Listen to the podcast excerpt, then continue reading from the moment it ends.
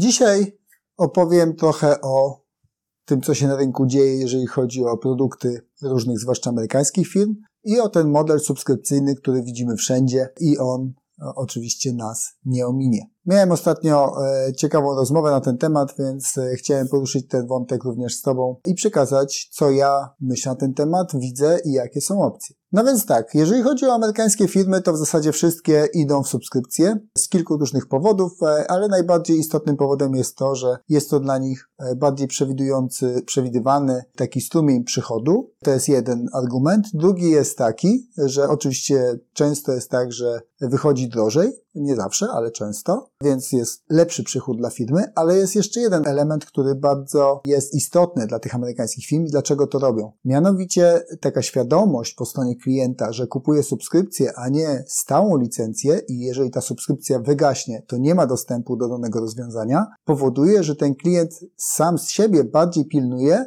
odnowienia, wykupywania tego dodatkowego okresu, który po prostu jest potrzebny, żeby dalej system działał. Jeżeli chodzi o te licencje standardowe, tak zwane perpetualne, czyli stałe, do nich też praktycznie każdy producent oczekuje, że klient będzie kupował wsparcie, czyli tak teoretycznie patrząc, koszt powinien być mniej więcej podobny.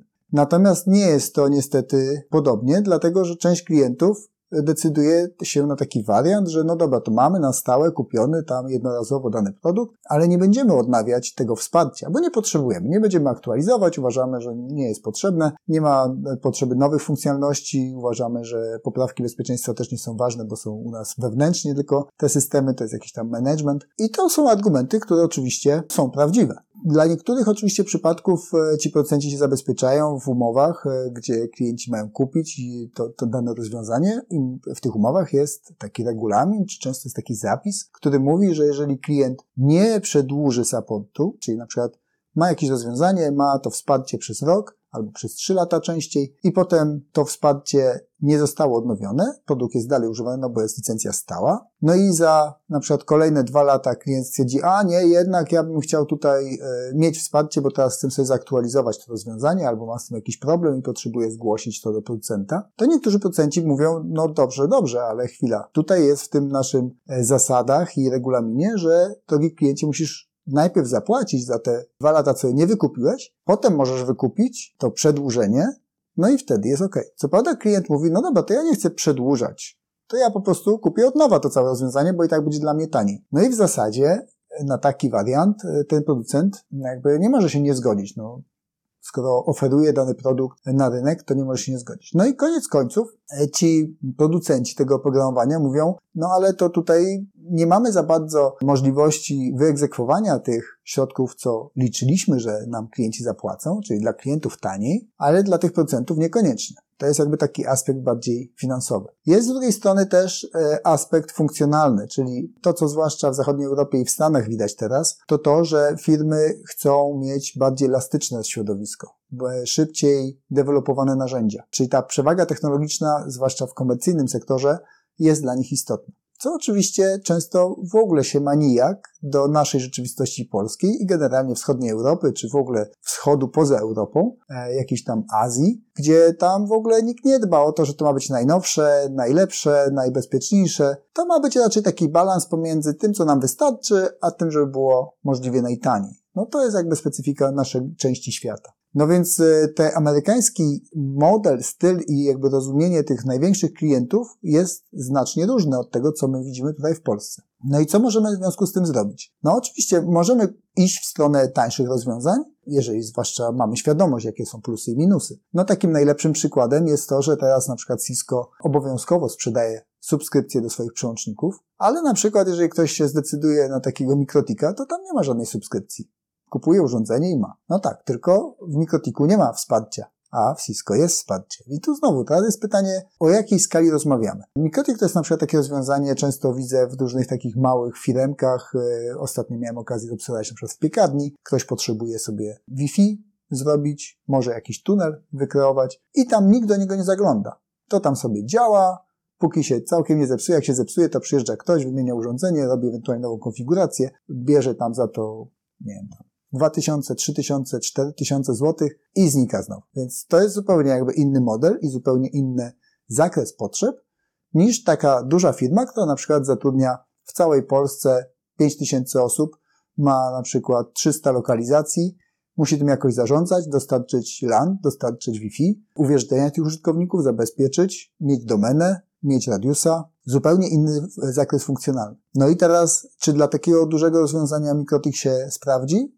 No nie, dlatego przede wszystkim, że jeżeli będzie problem z danym urządzeniem, to co ma ten klient zrobić? Producent mówi, a nie daje supportu a dystrybutor mówi, e, no to nie, może inne pudełko kup. No i co, co można zrobić wtedy? No niewiele można więcej zrobić e, i dlatego przy trudniejszych takich e, wdrożeniach, bardziej skomplikowanych, raczej firmy się nie decydują na tańsze rozwiązania, bo bardzo im zależy na tej części bardziej zaawansowanych funkcjonalności, chociaż w Mikrotiku jest naprawdę bardzo dużo zaawansowanych funkcjonalności. Ale zależy im na tym, żeby mieć partnerów, którzy się znają na tym, żeby mieć jakiś bardziej stały kontakt z nimi, czy wsparcie. No ale to też zauważ, wiąże się z kwotą. Czyli jeżeli jest taka firma instalatorska, która przy okazji wrzuca mikrotika, konfiguruje sieć Wi-Fi dla piekarni i znika i w zasadzie tam się nie pojawia, bo nie opłaca im się po prostu. No jeżeli zarabiają na jednej takiej implementacji, gdzie muszą zrobić okablowanie, włożyć urządzenie, skonfigurować je tam i zarabiają na tym 4000, z czego koszty przyjazdu, robienia to jest, nie wiem, tam 1000 zł, no to to jest 3000 zł.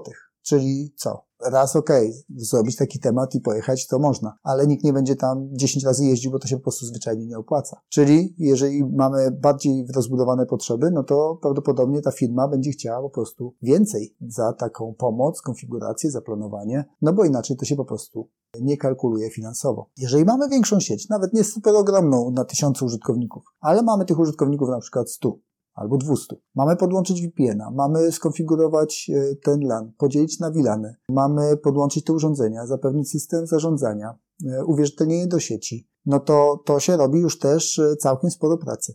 Więc ktoś musi na tym odpowiednio zarobić. No, musi się znać oczywiście, nie? Żeby się znać, no to trzeba robić i chodzić na szkolenia. To też oczywiście kosztuje pieniądze.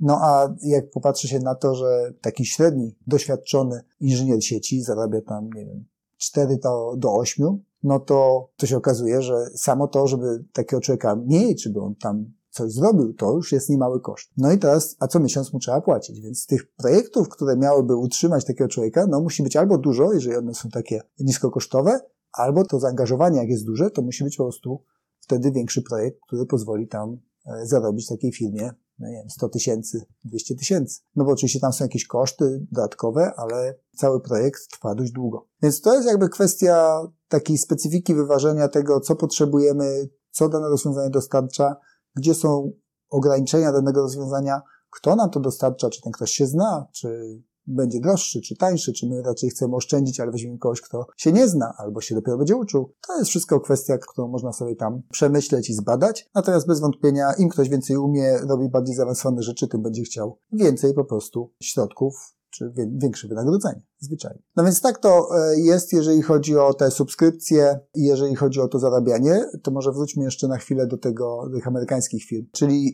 po pierwsze, one stwierdziły, że no dobra, skoro te amerykańskie firmy chcą rozwiązania szybciej, bardziej gotowe, szybciej dodawane nowe funkcjonalności, no to jedyną opcją jest cloud. Dlaczego? No po prostu jest kwestia, że mamy w tej chmurze jeden sposób, jedną wersję, o tak, i cały czas ona jest rozwijana, więc jest łatwiej to utrzymywać. Jeżeli mamy takie rozwiązanie klasyczne i mamy na przykład ogon pięciu, sześciu, siedmiu wersji, które utrzymujemy, no bo tam nikt nie mówi, że będzie wszystko utrzymywał, ale że będzie utrzymywał to na przykład przez dwa lata tą historię i przychodzi na przykład taki moment, gdzie jest jakaś podatność krytyczna i trzeba teraz załatać wszystkie te osiem wersji, to to jest duży nakład pracy. W przypadku tych rozwiązań chmurowych mamy najczęściej jedną aktualną wersję. Migracja to jest, nie wiem, tam kwartał, i tyle. Nie utrzymuje się więcej wersji oprogramowania. Co więcej, jeżeli się e, taka amerykańska firma sprzedaje to jako usługę, to sama decyduje o tym, kiedy aktualizuje i w jaki sposób ten centralny system chmurowy. Co też oczywiście ściąga e, problem z głowy temu klientowi. No dobra, to są jakby powody, dlaczego te firmy tak działają.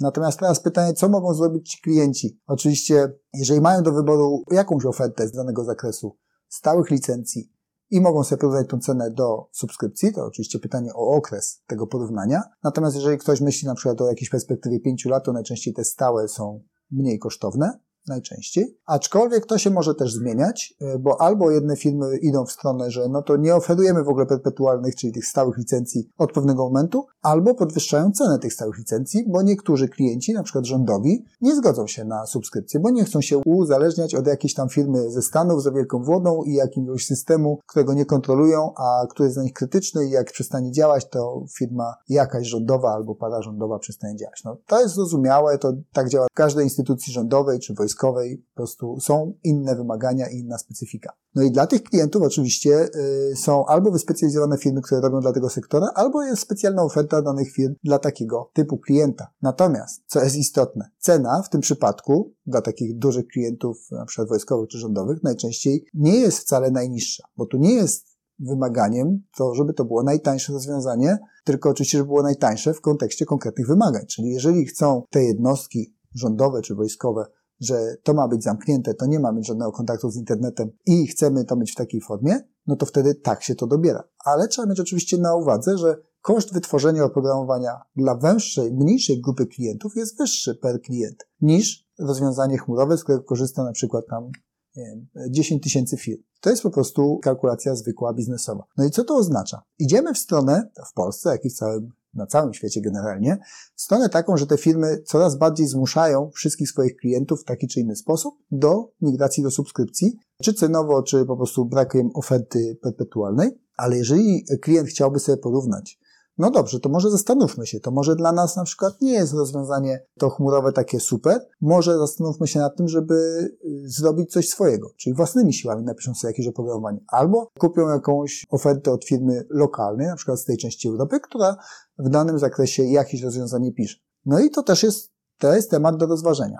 Natomiast ten temat się wiąże z, też ze specyfiką kilku rzeczy. Po pierwsze, jeżeli mówimy o lokalnym rozwiązaniu, no to ono zapewne po pierwsze będzie tańsze, albo przynajmniej powinno być tańsze, bo jak nie będzie, no to nie ma sensu w ogóle pewnie go rozważać. Ale z drugiej strony pytanie, czy e, my, co my potrzebujemy? No bo jeżeli potrzebujemy tylko mały wycinek tych e, rzeczy, które duże rozwiązanie dostarcza chmurowe, no to, to tu jest potencjał, że to może być tańsze i może być dopasowane do naszych potrzeb. Natomiast jeżeli potrzebujemy dużo i chcielibyśmy taniej, to zbudowanie tego samego, co robi ktoś, od tam, nie wiem, 3 lat, 5, 10 już dewelopując, to jest mało prawdopodobne, żeby to było tańsze. No po prostu, bo to kwestia skali. Kolejna rzecz jest taka, że jeżeli mamy lokalną firmę, która, do której mamy zaufanie, która e, dowozi to, co mówi, to super. E, natomiast e, no, też trzeba mieć na uwadze, że taki producent lokalny no, też nie jest w stanie na wszystkich klientach się koncentrować w ten sam sposób, więc pewnie będzie się koncentrował na tych pierwszych klientach, którzy są najbardziej jakby taką bazą, na której to buduje. A wszyscy pozostali, no to już będą bardziej traktowani tak jak w wersji tej firm amerykańskich, no bo siłą rzeczy nie ma możliwości, żeby każdy klient miał dostęp do R&D, czyli do tych ludzi, którzy tam już planują i programują to rozwiązanie. Zresztą każda firma, również amerykańska, ma to wyzwanie, że po prostu tych oczekiwań, co dany produkt mógłby robić jeszcze lepiej, jakie nowe funkcjonalności jest całkiem sporo, a możliwości implementacji zawsze jest ograniczona ilość. W związku z tym to się oczywiście mm, zawsze trzeba zbalansować. No więc jeżeli e, masz taką możliwość, myślisz o takich rozwiązaniach, to na pewno trzeba by wybrać kogoś, kogo po prostu znasz i komu ufasz. E, no bo to już jest kwestia, którą trzeba budować w oparciu o e, zaufanie, dlatego że ten produkt powstaje w oparciu o wymagania danego klienta, a z drugiej strony dostarczany jest przez kogoś, kto to tworzy, czyli też musi dowozić ten ktoś, kto mówi, że dany zakres funkcjonalny zrobi. Natomiast oczywiście też e, widzę w, tak, w różnych rozmowach i w różnych kontekstach też taką tendencję, że poziom skomplikowania e, rozwiązań jest niedoceniany, bo jeżeli ktoś widzi tylko w GUI kilka fajnych menu, że tu się klika pięć razy, tam się coś magicznie robi i jest działa, to super, ale ilość, to nie oznacza, że ilość pracy, żeby zbudować takie narzędzie jest mała. Wszystko zależy od tego oczywiście, o czym rozmawiamy, Natomiast e, im bardziej mają być zautomatyzowane i bardziej zaawansowane te funkcjonalności, tym najczęściej jest wymaganych więcej pracy. To oznacza oczywiście wyższy koszt. Więc wszystko jest do zrobienia. Myślę, że to jest ciekawy w ogóle moment na tym rynku, e, który się dzieje i zobaczymy, jak to się będzie rozwijać i jak efektywnie będą wdrażane te modele subskrypcyjne. Także na dzisiaj to tyle. Jeżeli masz jakieś uwagi do tego, to oczywiście pisz w komentarzu i słyszymy się, widzimy już za tydzień.